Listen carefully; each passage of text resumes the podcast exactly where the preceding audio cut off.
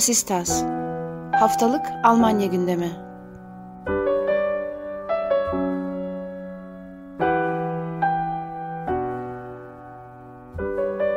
Herkese merhaba. Vasistas'ın 37. bölümüne hoş geldiniz. Ben Akın Art. Bu hafta sizler için Almanya'nın gündemini değerlendireceğim.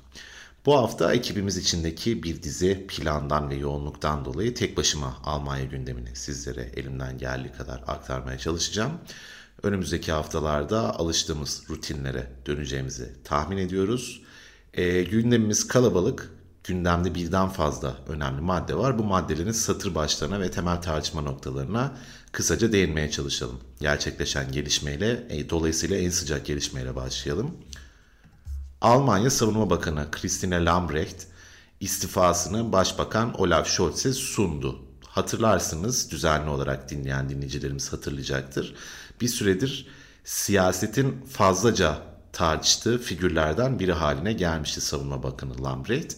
Bunun çok fazla sebebi var ama birkaç madde, birkaç maddede özetlemeye çalışırsak şu olayların özel olarak ön plana çıktığını görüyoruz Lambrecht'in tartışılır bir figür haline gelmesi sürecinde. Bunlardan bir tanesi hükümetin ayırdığı 100 milyar ek bütçeyi Alman ordusunun modernizasyonu için kullanılma süresinin oldukça uzatılması, uzaması, bu konuda çalışmaları oldukça geç başlanması bir süredir medyanın gündemindeydi ve eleştiri diyordu Lambret buradan. Sadece bu konuda değil aslında Ukrayna Savaşı'nın başından beri sık sık eleştirilerin hedefi olduğu iletişim kabiliyetinin düşüklüğü özellikle kimi basın kurumları tarafından öne çıkarıldı. Bu şekilde eleştirildi, bu şekilde suçlandı Lambret ve henüz ortada savaş yokken fakat Ukrayna'ya Rusya tarafından bir saldırı yapılabileceği dillendiriliyorken belki hatırlayanlarınız vardır. Ukrayna'ya silah yardımı o zaman Almanya'nın gündeminde değildi fakat e, Lambret e, bunu telafi etmek için olacak olsa gerek Ukrayna'ya 5000 miğfer göndereceklerini açıklamıştı. Ukrayna tarafından da bunun şaka gibi bir açıklama olduğuna dönük tepkiler gelmişti vesaire. Bu tarz iletişim faciaları biliyorsunuz Lambrecht'in son zamanlarda sık sık oldu.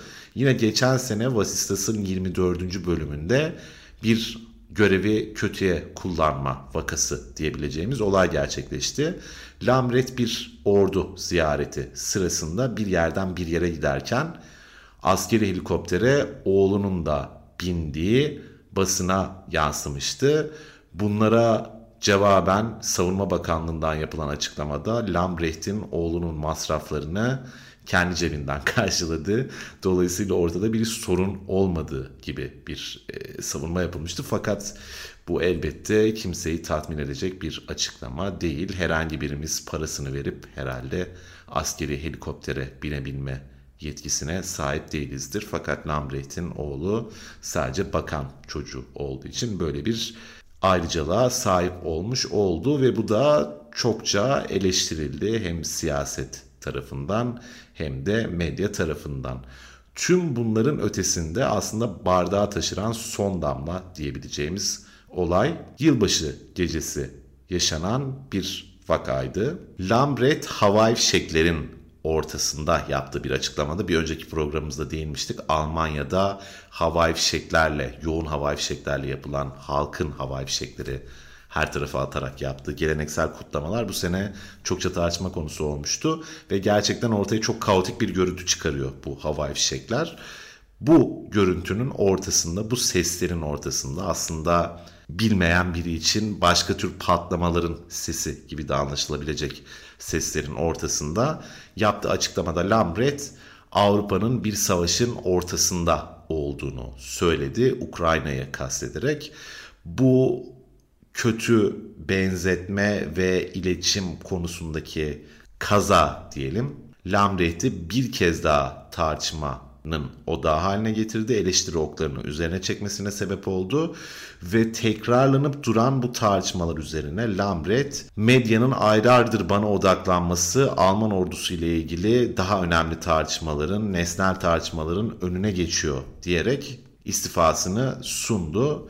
Bu elbette bahsettiğimiz tekil vakalar üzerinden açıklanabilecek bir olay olduğu gibi aslında şöyle bir sembolik anlamı olduğundan da söz edebiliriz. Krizin e, Rusya'nın Ukrayna'yı işgaliyle başlayan sürecin uzun bir süredir Almanya'nın savunma konseptini en baştan şekillendirdiğini, yeniden yapılandırdığını görüyoruz. Programımızda da bunu uzun uzun tartıştık. Tartışmaya da devam edeceğiz gibi duruyor.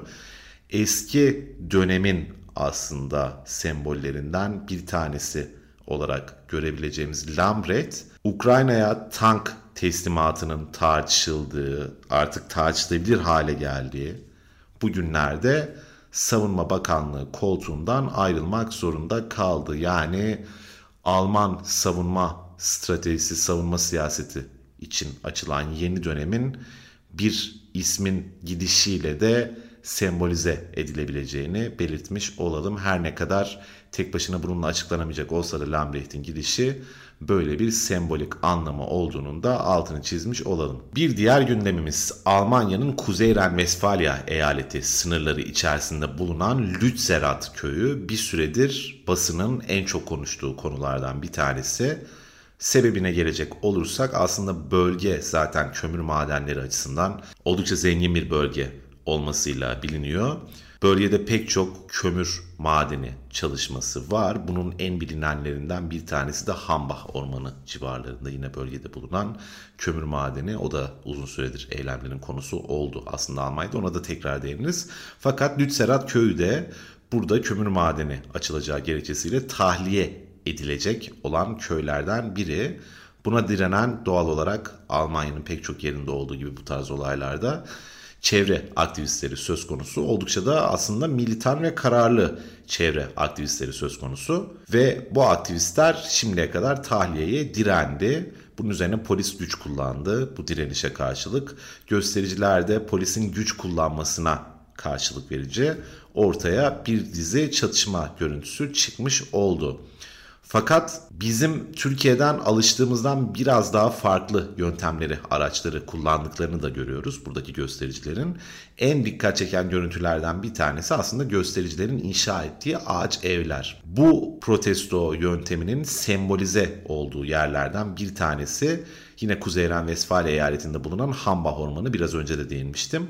Burada da yine kömür madeni için parça parça yok edilen bir orman söz konusuydu. Yine yapılan bu çalışmalar pek çok kesimin tepkisini çekmişti. Çevre aktivistlerinin de tepkisini çekiyordu. Bu gelişmeyi protesto eden göstericiler Hamba Ormanı'na çok sayıda ağaç ev inşa etmişlerdi. Yerden oldukça yüksek 15-20 metreyi bulabilen yüksekliklerde evler inşa etmişlerdi bu evlerde barınarak kalıyorlardı ve protestolarını sürdürüyorlardı. Maalesef polisin birkaç sene önce yaptığı bir müdahale sırasında bu evlerde bulunan bir foto muhabir olan bir blogger olan aynı zamanda bir aktivist genç ağaç evden düşerek hayatını kaybetmişti. Bu da oldukça ciddi bir tartışma yaratmıştı. Polisin uyguladığı şiddetin boyutu açısından hem de oradaki protestoların daha da meşru hale gelmesine sebep olmuştu ve ağaç kesimlerinin belli bir bölgede durdurulması kararı çıkmıştı mahkemeden. Burada aslında Lützerat'taki çevre aktivistlerinin de belki önemli bir kısmının oradaki eylemlerle de bağlantılı olabileceğini, en azından oradaki direniş kültüründen beslenen eylemciler olduğunu özellikle bu ağaç evler örneğinde görmek mümkün. Ormanın içinde şu anda göstericiler ve polis arasındaki çatışmalar devam ediyor. Polis göstericileri zorla tahliye etmek istiyor. Göstericiler de buna direniyor. Tages Çağ'a konuşan bir sözcü grup adına orada direnen grup adına polisin sistematik bir şiddet uyguladığını örneğin sistematik olarak kafalarını hedefe aldığını vururken kendilerine söylemiş. Kuzey Ren-Vesfalya eyaleti İçişleri Bakanı Herbert Reul da polisin çevrecilere yönelik tutumunu savunmuş. Kendi personelinin diyebiliriz yani bir yandan. Polisle yaşanan gerginlikten göstericileri sorumlu tutmuş Reul. Zaten bir süredir bu tarz gösterilerde göstericilerin radikalliğini vurgulayarak sorumluluğu üzerinden atmak ve polisin tavrını hoş göstermek bu tarz eylemlerde çok sık başvurulan yöntemlerden bir tanesi devlet görevlileri tarafından. Burada da İçişleri Bakanı'nın, Kuzey Ren Vesfalya İçişleri Bakanı'nın böyle bir tavrın arkasına saklandığını görüyoruz. Yaşanan protestonun aslında en önemli belki tarafı, boyutu bu kararda Yeşillerin de imzasının olması. Yeşiller çevre aktivizmi konusunda son derece duyarlı bir parti olmakla, varlığını aslında buradan kurmakla, kurmasıyla tanıdığımız bir partiyken hükümet olmasıyla birlikte bu tarz zor kararların da altına zaman zaman imza atması gerekti. Bu karar hem kendi tabanı tarafından hem Yeşillerden daha radikal mücadeleler veren çevre aktivistleri tarafından çok eleştirildi. Parti içerisinde de ciddi tartışma yarattı. Fakat Yeşiller kurmaylarının önemli bir kısmının bu kararın arkasında durduğunu söyleyelim.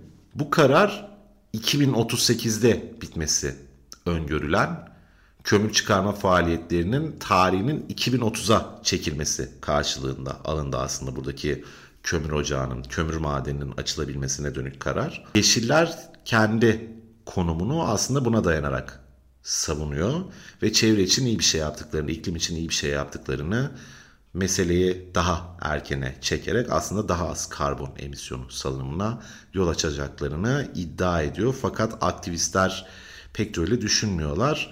Karar erkene çekilmiş olsa da bu faaliyetlerin önünün açılmasıyla birlikte bu süre zarfında normalde çıkarılacağından çok daha fazla kömür çıkarılacağını dolayısıyla ortada bir kazanım olmadığını söylüyorlar. Bununla birlikte Almanya'nın hali hazırdaki enerji krizini buradan çıkarılması gereken kömüre gerekçe olarak sunan ciddi bir toplam var. Fakat yine çevre aktivistlerinin buna dönük savunması elbette mevcut. Onlar da bu kömür çalışmalarına bugün başlansa bile bunun bugünkü acil ihtiyacı karşılayamayacağını hem kazı faaliyetlerinin hem çıkarmanın hem işlenmesinin bu kıştan çok daha uzun bir, bu kışı atlatmamızdan çok daha uzun bir süre alacağını. Dolayısıyla bunun aslında meseleyi meşrulaştırmak için siyaset tarafından ortaya atılan bir bahane, bir gerekçe olduğunu söylüyor eylemcilerde. Biz bu programı kaydettiğimiz sırada tam olarak tahliye edilmemişti Lützerat köyü. Polis ve göstericiler arasında çatışmalar devam ediyordu. Sonrasında neler olacak göreceğiz. Önemli bir şey olduğu takdirde önümüzdeki haftalarda da bunu duyurmaya devam edeceğiz. Son gündemimize gelelim bu hafta için. FDP Genel Başkanı ve Maliye Bakanı Lindna yine podcast'imizde çok sık andığımız isimlerden bir tanesi. Düzenli dinleyenler hatırlayacaktır yolsuzlukla suçlanıyor. Haftanın başında basına iyice yansımaya başlayan bu iddialar bir süredir çok konuşulan bir diğer konu olarak kendini gösteriyor. Bu meselenin kökeninde Linda'nın aslında henüz bakan değilken 2021 yılında yaptığı bir kredi başvurusu var. Kazruhe kentinde bir bankaya ev almak için kredi başvurusunda bulunmuş Linda almak istediği evin arazisi, renovasyonu vesairesi her şey dahil olmak üzere toplam maliyeti 2 milyon 800 bin euroymuş. Lindna bakan olduktan sonra bu bankanın 100. yılında bankaya bir kutlama mektubu yazmış ve göndermiş.